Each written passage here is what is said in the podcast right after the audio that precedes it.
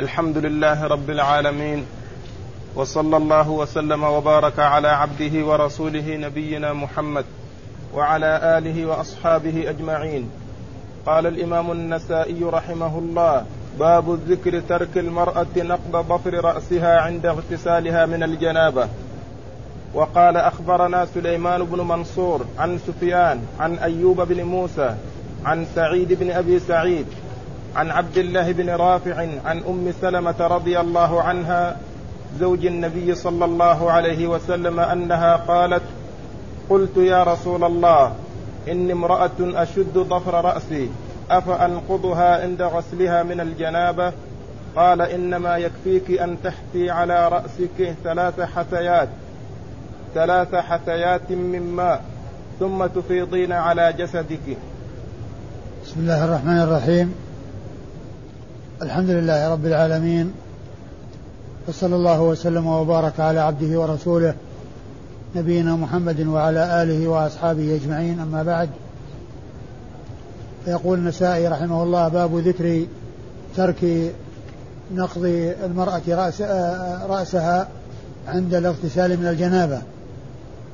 هذه الترجمة معقودة لبيان أن المرأة لا يلزمها ولا يجب عليها أن أن تنقض ضفائرها عند إرادة الاغتسال من الجنابة بل لها أن تبقيها وأن ترويها بالماء وأن تصب عليها الماء حتى تروى. وأما نقضها نقض الضفائر فإن ذلك ليس بلازم. هذا هو مقصود الترجمة التي عقدها النسائي رحمه الله. وقد أورد تحتها حديث أم سلمة أم المؤمنين رضي الله تعالى عنها أنها سألت رسول الله صلى الله عليه وسلم أنها كانت تشد ظفر رأسها أفتنقضها عند الاغتسال من الجنابة فقال إنما يكفيك أن تحثي على رأسك ثلاث حثيات ثم تفيضين الماء أي على جسدك.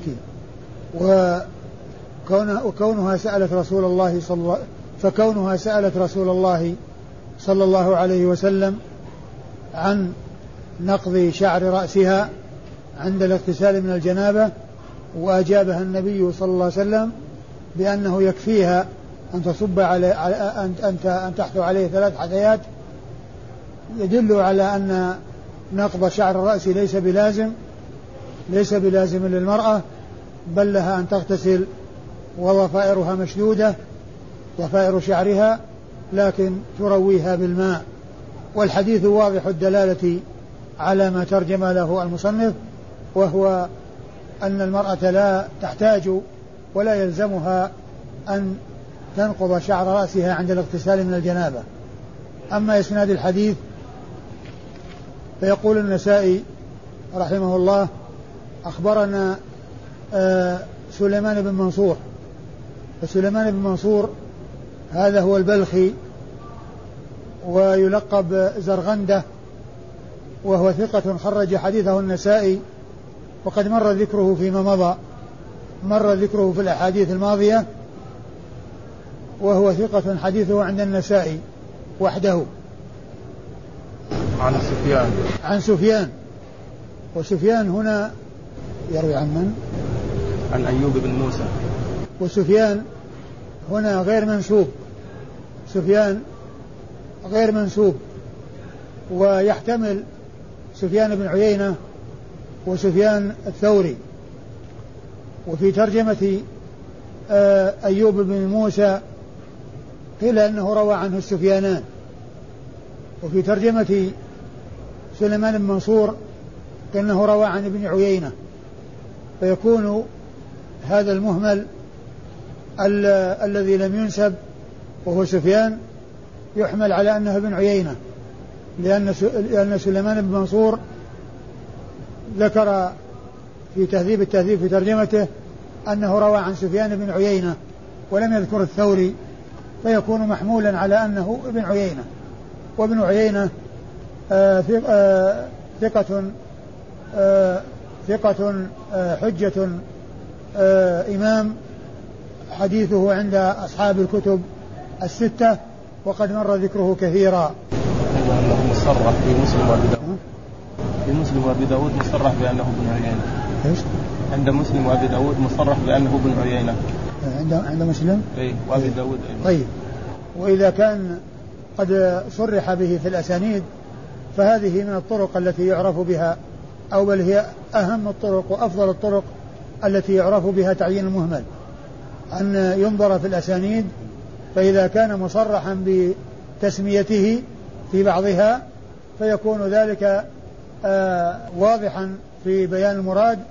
ومن الطرق التي آه الأخرى التي وهي التي أشرت إليها أن ينظر في التلاميذ والشيوخ لأنه في آه ترجمة سليمان بن منصور ما ذكروا أن من شيوخه الثوري وإنما ذكروا ابن ابن عيينة وإنما ذكر ابن عيينة من شيوخه. عن أيوب بن موسى. عن أيوب ابن موسى. من خرج له؟ ثقة خرج له الجماعة. أيوب بن موسى هو ثقة خرج حديثه أصحاب الكتب الستة. أيوب بن موسى ثقة خرج حديثه أصحاب الكتب الستة. عن سعيد بن أبي سعيد. عن سعيد بن أبي سعيد وهو المقبري وقد مر ذكره كثيرا وهو ثقة حديثه عند أصحاب الكتب الستة أيضا. عن عبد الله بن رافع. عن عبد الله بن رافع وهو المدني وكنيته أبو رافع. وقال له أبو رافع يذكر بكنيته ويذكر باسمه.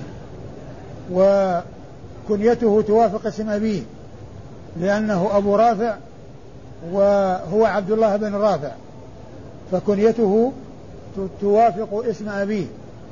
وقد ذكرت مرارا أن أن أنهم ذكروا أن من الأمور المهمة في علم المصطلح معرفة من وافقت كنيته اسم اسم أبيه وذلك لدفع آه لدفع احتمال التصحيف فيما إذا ذكر ما إذا ذكر إذا كان مشهورا أو من بعض الناس يعرفه مشهورا بنسبه ثم يذكر بكنيته مع اسمه فمن لا يعرف يظن أن ذلك تصحيح فإذا فكونه مشهورا بأنه عبد الله بن رافع. قد يأتي في بعض الأسانيد عبد الله أبو رافع. عبد الله أبو رافع.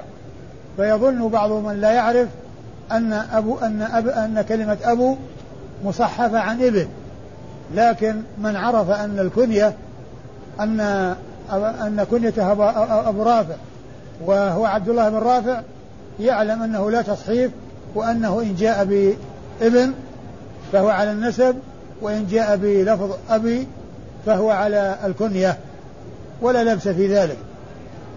وهو ثقة خرج حديثه مسلم وأصحاب السنن الأربعة. عن أم سلمة. عن أم سلمة أم المؤمنين رضي الله تعالى عنها وأرضاها وقد مر ذكرها كثيرا وحديثها عند أصحاب الكتب الستة. قال باب ذكر الأمر بذلك للحائض عند الاغتسال للإحرام. وقال أخبرنا يونس بن عبد الأعلى. قال أخبرنا أشهب عن مالك عن ابن شهاب وهشام بن عروة. حدثاه عن عروة. عن عائشة رضي الله عنها أنها قالت خرجنا مع رسول الله صلى الله عليه وسلم عام حجة الوداع فأهللت بالعمرة فقدمت مكة وأنا حائض فلم أطف بالبيت ولا بين الصفا والمروة فشكوت ذلك إلى رسول الله صلى الله عليه وسلم فقال انقضي رأسك وامتشطي وأهلي بالحج ودعي العمرة ففعلت. فلما قضينا الحج أرسلني مع عبد الرحمن بن أبي بكر إلى التنعيم فاعتمرت. فقال هذه مكان عمرتك. قال أبو عبد الرحمن هذا حديث غريب من حديث مالك عن هشام بن عروة. عن هشام بن عروة لم يروه أحد إلا أشهب. ثم أورد النسائي رحمه الله آه، ترجمة وهي الأمر بذلك للحائض عند الاغتسال للإحرام يعني بنقض شعر رأسها. يعني الأمر للحائض عند الاغتسال للإحرام بنقض شعر رأسها عند ذلك الاغتسال. وقد أورد فيه حديث عائشة أم المؤمنين رضي الله عنها وأرضاها في قصة حجها مع رسول الله صلى الله عليه وسلم حجة الوداع وأنها أحرمت بالعمرة مثل أمهات المؤمنين فإنهن أحرمنا بالعمرة متمتعات. ولما وصلنا مكة آه ولما كانوا في الطريق آه حاضت عائشة رضي الله عنها وأرضاها.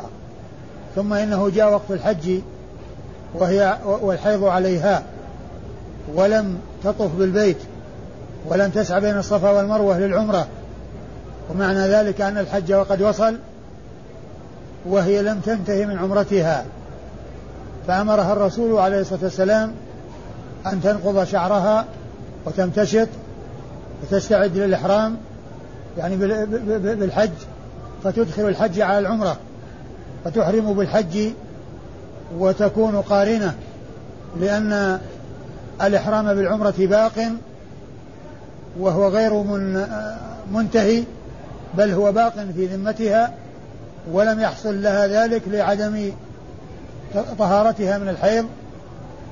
وقد جاء الحج وهي فأمرها رسول الله عليه الصلاة والسلام أن تحرم بالحج فتدخله على العمرة لأن الإحرام بالعمرة موجود من الميقات وهو مستمر معها لم يتغير ولم يفسخ بل هو موجود. ثم إن التمكن من العمرة لم يتيسر لها. لاستمرار الحيض عليها حتى جاء وقت الحج. فأمرت بأن تحرم بالحج وأن تغتسل قبل ذلك وتنقض شعر رأسها وأن تدخل بالحج.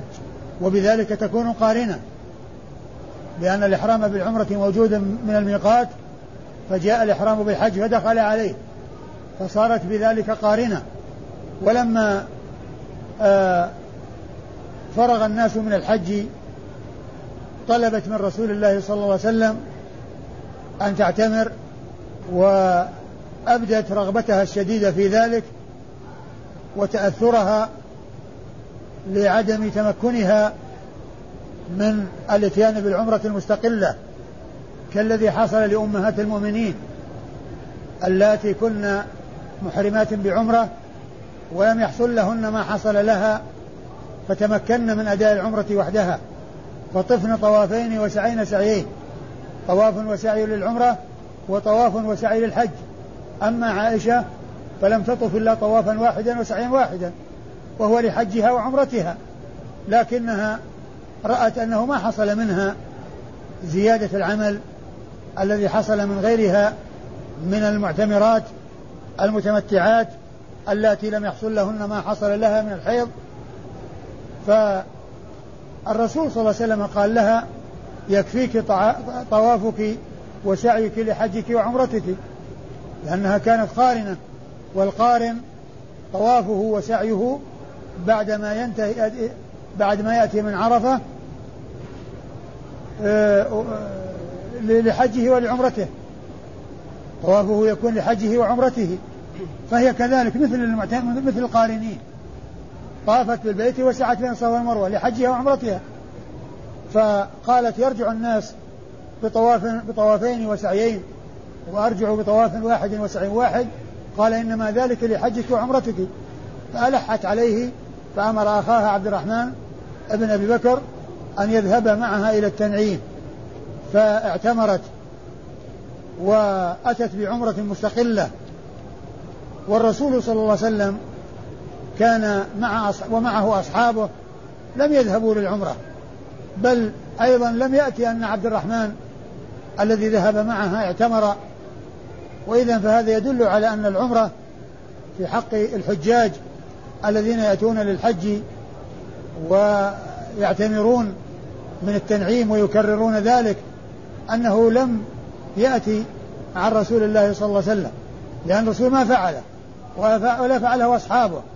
وإنما أذن لعائشة لما ألحت عليه بسبب أنه فاتها ما حصل لأمهات المؤمنين من أنهن طفن وسعين للعمرة عندما دخلن مكة وطفن وسعين للحج بعد الحج فكان عملها في نظرها لا يتفق مع عمل أمهات المؤمنين اللاتي طفن طوافين وسعين سعيين.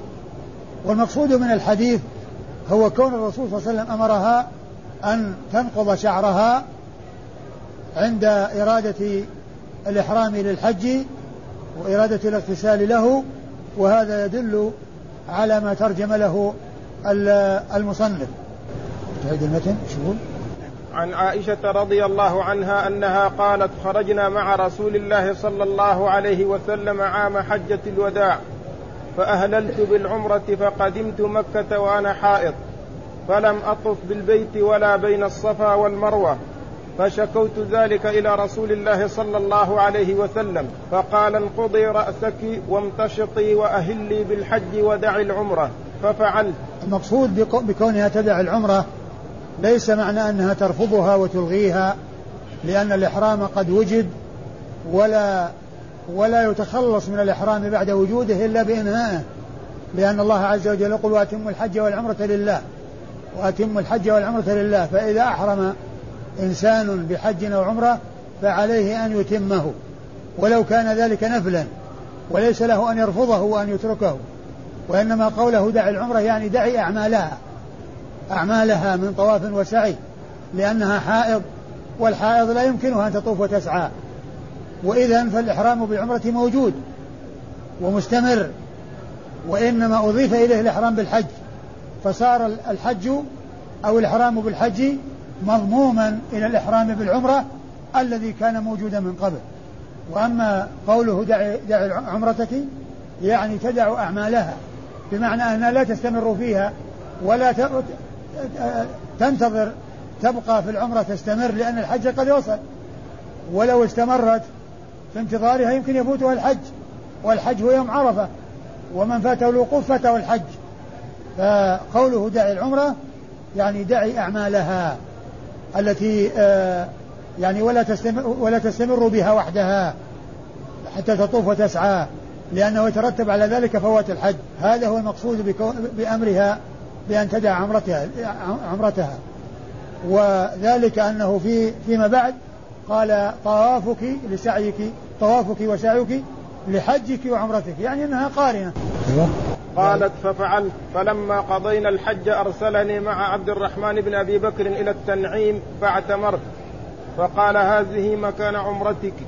يعني فقال هذه مكان عمرتك يعني التي كانت يعني فاتتها من حيث أنها لم تعمل أعمالها مستقلة وإلا فإنها قد اعتمرت وعمرتها هذه ثانية لأن عائشة اعتمرت في تلك السفرة مرتين. مرة العمرة المقرونة مع الحج ومرة هذه التي جاءت بعد الحج. هذه جاءت بعد الحج. وكونها مكانها يعني من حيث أنها طافت طوافا مستقلا وسعت, وسعت سعيا مستقلا. وليس معنى أنها أن تلك لغت وأن هذه آه عوض عنها وأنها تحل محلها لأن العمرة التي أحرمت بها من من المدينة من من الميقات من من ذي الحليفة آه قد أدخل عليها الحج فحصل الطواف والسعي للحج والعمرة معا. ولكن العمرة التي حصلت لأمهات المؤمنين وكونهن طفن وسعينا طوافا مستقلا وسعيا مستقلا هذا هو الذي حصل لها بهذه العمرة التي أتت بها فيما بعد. وبهذا تكون عائشة رضي الله عنها اعتمرت في تلك السفرة مرتين. مرة العمرة المقرونة مع الحج ومرة هذه العمرة التي جاءت بعد الحج. أيوة. ثم قال النسائي قال أبو عبد الرحمن ثم قال أبو عبد الرحمن آه قال أبو عبد الرحمن هذا حديث غريب من حديث مالك عن هشام بن عروة لم يروه أحد إلا أشهب. هذا حديث غريب من حديث آه مالك عن هشام بن عروة. مالك عن عن هشام بن عروة. لم يروه عنه إلا أشهب. لم يروه عنه إلا أشهب. يعني أن أن أشهب انفرد بروايته عن مالك من حديث عروة. وهو معروف عن مالك عن الزهري. يعني معروف عن مالك عن الزهري. هو مشهور بهذا. وأكثر أصحاب مالك أو أصحاب مالك رووه عنه من طريق الزهري. لكن روايته عن مالك عن عروة ما عن هشام بن عروة ما حصل إلا عن طريق أشهب فهو غريب يعني بهذا الاعتبار باعتبار تفرد أشهب به عن مالك و وكون لأن أصحاب مالك الذين رووه عنه رووه عنه من طريق الزهري وهو معروف من روايته عن الزهري. ولكن من روايته عن هشام بن عروة هذا انفرد به أشهب ولا يؤثر ذلك على صحة الحديث شيئا شيئا بل الحديث ثابت من تلك من ذلك الطريق وهو أيضا عنده ولكن عنده طريق أخرى وهو أنه يرويه عن عن مالك عن هشام بن عروة عن عروة. أخبرنا يونس بن عبد الأعلى يقول النسائي أخبرنا يونس بن عبد الأعلى وهو الصدفي المصري وهو ثقة. من خرج حديثه؟ مسلم والنسائي وابن ماجه. خرج حديثه مسلم والنسائي وابن ماجه. يونس بن عبد الأعلى الصدفي المصري ثقة خرج حديثه مسلم والنسائي وابن ماجه. لم يخرج له البخاري ولم يخرج له أبو داود والترمذي. عن أشهب؟ نعم. أشهب وأشهب بن عبد العزيز بن داود المصري وهو ثقة خرج حديثه أبو داود والنسائي. خرج حديثه أبو داود والنسائي عن, عن, مالك. نعم. ومالك هو إمام دار الهجرة المحدث الفقيه الإمام المشهور حديثه عند أصحاب الكتب الستة وقد مر ذكره كثيرا عن عن ابن شهاب وهشام. عن ابن ابن شهاب وهشام بن عروة. ابن شهاب هو الزهري هو محمد بن مسلم ابن عبيد الله بن عبد الله ابن شهاب بن عبد الله ابن حارث بن زهرة بن كلاب.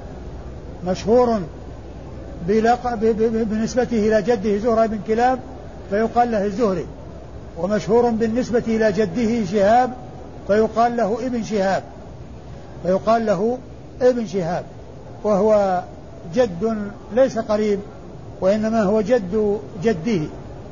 جد جده لأنه محمد بن مسلم ابن عبيد الله ابن عبد الله ابن شهاب. ف فشهاب جد عبد الله وعبد الله هو جد آه، محمد بن مسلم الزهري. فهو منسوب إلى أحد أجداده وهو شهاب وإلى جده زهرة ابن كلاب الذي هو أخو قصي بن كلاب وعند ذلك يلتقي مع نسب الرسول صلى الله عليه وسلم.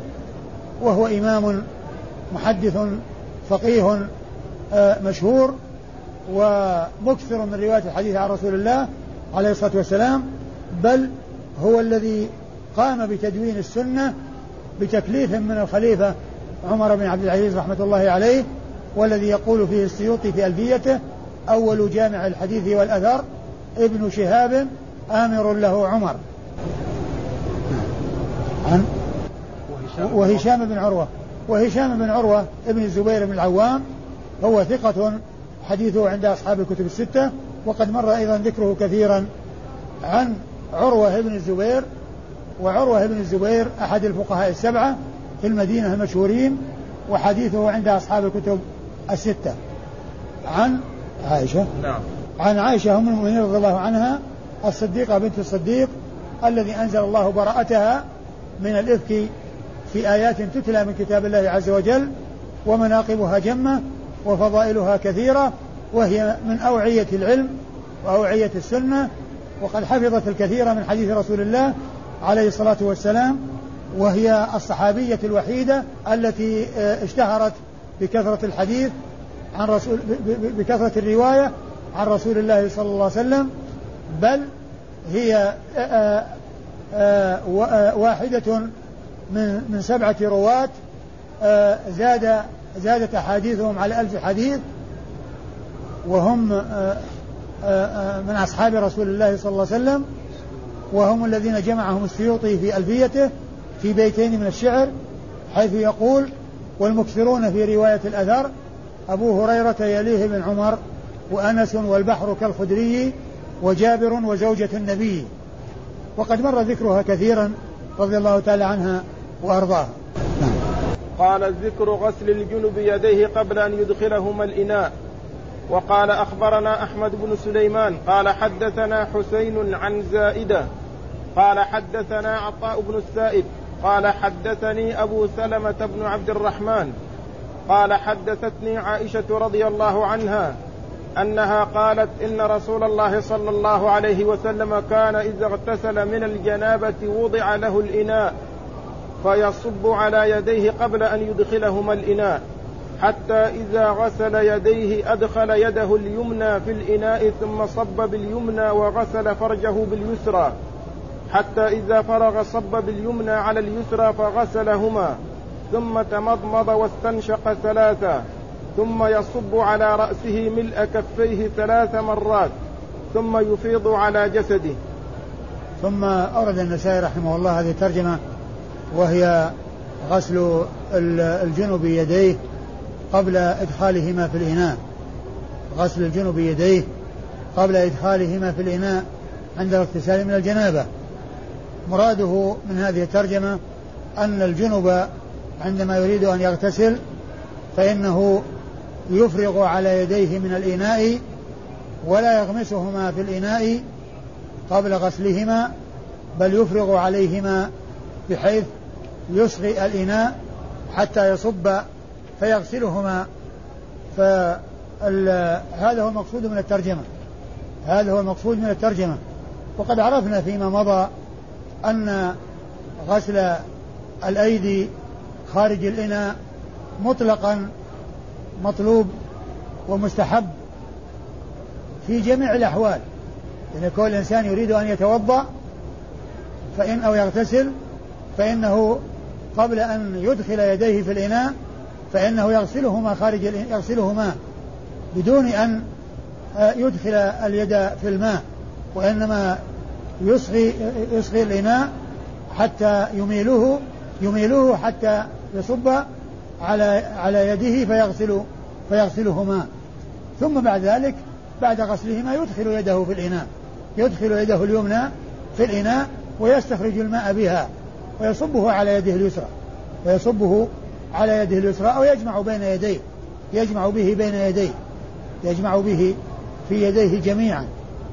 إلا فيما يتعلق بالقيام من النوم الليل فهذا ورد فيه الحديث الذي سبق أن مر وهو أمر الرسول صلى الله عليه وسلم بأن يغسلهما ثلاثا قبل أن يدخلهما في الإناء حيث قال إذا قام أحدكم من نومه فلا يغمس يده في الإناء قبل أن قبل أن يغسلهما ثلاثا. وهذا هو أول حديث في سنن النسائي أول حديث في سنن النسائي هو هذا الحديث الذي فيه الأمر بغسل اليدين خارج الإناء عند القيام من النوم. ف وقد اختلف العلماء في حكمه. فمنهم من قال إن الغسل خارج الإناء واجب ومنهم من قال إنه مستحب. أما ما عدا ذلك أي ما عدا الغسل غسل اليدين بعد الخروج آه، بعد القيام من النوم فإنه مستحب في جميع الأحوال. حتى ولو كان الإنسان يعني آه، متحقق آه، نظافة اليدين فإنه يغسلهما يغسلهما عند إرادة الوضوء أو إرادة الاغتسال قبل أن يدخلهما في الإناء.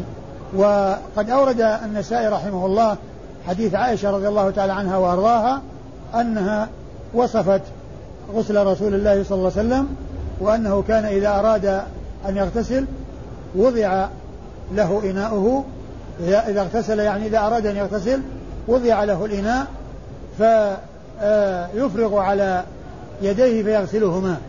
يعني يفرغ بدون آه، أن يغمسها في الإناء. يفرغ عليها يعني على يديه فيغسلهما. ثم بعد ذلك يدخل يده اليمنى ويأخذ بها الماء ويصبه على يده اليسرى ثم يغسل بها فرجه ثم يغسل بها فرجه. نعم. شو اسم الحديث؟ أخبرنا أحمد بن سليمان. يقول النسائي أخبرنا أحمد بن سليمان. وأحمد بن سليمان هذا هو الرهاوي وهو من شيوخ النسائي آه، سبق أن مر ذكره مرارا وتكرارا وقد أكثر عنه النسائي وهو وهو ثقة خرج حديثه النسائي وهو ثقة خرج حديثه النسائي لم يخرج له إلا النسائي. نعم. حدثنا حسين. حدثنا حسين وحسين هو ابن علي الجعفي حسين بن علي الجعفي وهو ثقة خرج حديثه أصحاب الكتب الستة وقد مر ذكره فيما مضى.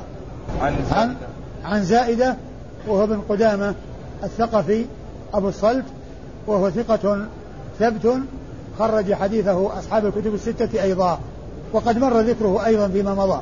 عن عطاء بن السائب. عن عطاء بن السائب الكوفي الثقفي وهو صدوق اختلط حديثه خرجه البخاري وأصحاب السنن الأربعة. خرج حديثه البخاري وأصحاب السنن الأربعة. عن, عن أبي سلمة بن عبد الرحمن. عن أبي سلمة بن عبد الرحمن بن عوف وهو ثقة آآ آآ خرج حديثه أصحاب الكتب الستة وقد مر مضى ذكره كثيرا وهو أحد الفقهاء السبعة على أحد الأقوال في السابع. أحد الفقهاء السبعة على أحد الأقوال الثلاثة في السابع منهم لأن واحدا منهم اختلف فيه. سابع لأن سابعهم اختلف فيه. هل هو أبو بكر بن عبد الرحمن بن الحارث بن هشام أو أبو سلمة بن عبد الرحمن بن عوف أو سالم بن عبد الله بن عمر؟ السابع مختلف فيه والستة الباقون متفق عليهم. لا خلاف في عدهم ضمن الفقهاء السبعة آه، المشهورين في المدينة. في عصر التابعين. عن عائشة؟ نعم. نعم. اللي بعده. هذا يقول غسل اليدين قبل الإدخال مستحب ولا واجب؟ مستحب ليس بواجب. قال باب ذكر عدد غسل اليدين قبل إدخالهما الإناء. وقال أخبرنا أحمد بن سليمان قال حدثنا يزيد قال أخبرنا شعبة عن عطاء بن السائب عن أبي سلمة قال سألت عائشة رضي الله عنها عن عن غسل رسول الله صلى الله عليه وسلم من الجنابة. فقالت كان رسول الله صلى الله عليه وسلم يفرغ على يديه ثلاثا ثم يغسل فرجه ثم يغسل يديه ثم يمضمض ويستنشق ثم يفرغ على رأسه ثلاثا ثم يفيض على سائر جسده. ثم ورد النسائي رحمه الله الترجمة وهي عدد قال باب ذكر عدد غسل اليدين قبل إدخالهما الإناء ذكر عدد غسل ذكر عدد غسل اليدين قبل إدخالهما الإناء الترجمة السابقة لغسل اليدين وهنا للعدد. الترجمة السابقة هي لذكر الغسل ومشروعيته وهنا ذكر عدده.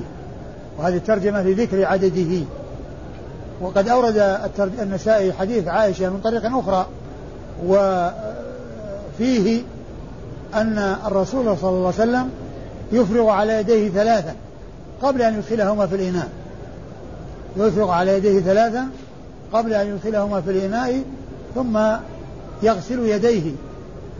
يعني بعد أن آه ثم يغسل فرجه ثم يغسل يديه يعني بعد غسل الفرج. ثم يغسل يديه بعد غسله فرجه ثم يتمضمض ويستنشق ثم يحثو على رأسه ثلاثا ثم يفيض الماء على سائر جسده. على سائر جسده. والمقصود من الحديث آه أن أن الرسول عليه الصلاة والسلام كان يفيض على يديه من الإناء قبل أن يغتسل من الجنابة عند الاغتسال من الجنابة قبل أن يدخلهما في الإناء يفيض على يديه ثلاثا. يفرغ على يديه ثلاثا بمعنى أنه يميل الإناء الذي يتوضأ به حتى يصب على يديه على اليد خارج الإناء فيغسلهما ثلاثا. فإذا فيه مشروعية غسل اليدين ثلاثا وذلك مستحب. نعم. أحمد بن سليمان. وإسناد الحديث أحمد بن سليمان هو آه شيخ النسائي في الإسناد المتقدم.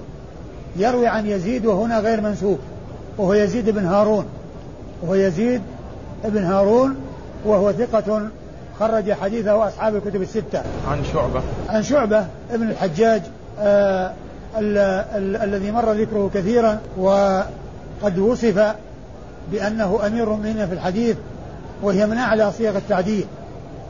وبقية الإسناد هو الإسناد المتقدم قبل هذا. نعم. قال إزالة الجنب الأذى عن جسده بعد غسل يديه. وقال أخبرنا محمود بن غيلان قال حدثنا النضر قال أخبرنا شعبة قال حدثنا عطاء بن السائب قال سمعت أبا سلمة أنه دخل على عائشة رضي الله عنها فسألها عن غسل رسول الله صلى الله عليه وسلم من الجنابة فقالت كان النبي صلى الله عليه وسلم يؤتى بالإناء فيصب على يديه ثلاثا فيغسلهما.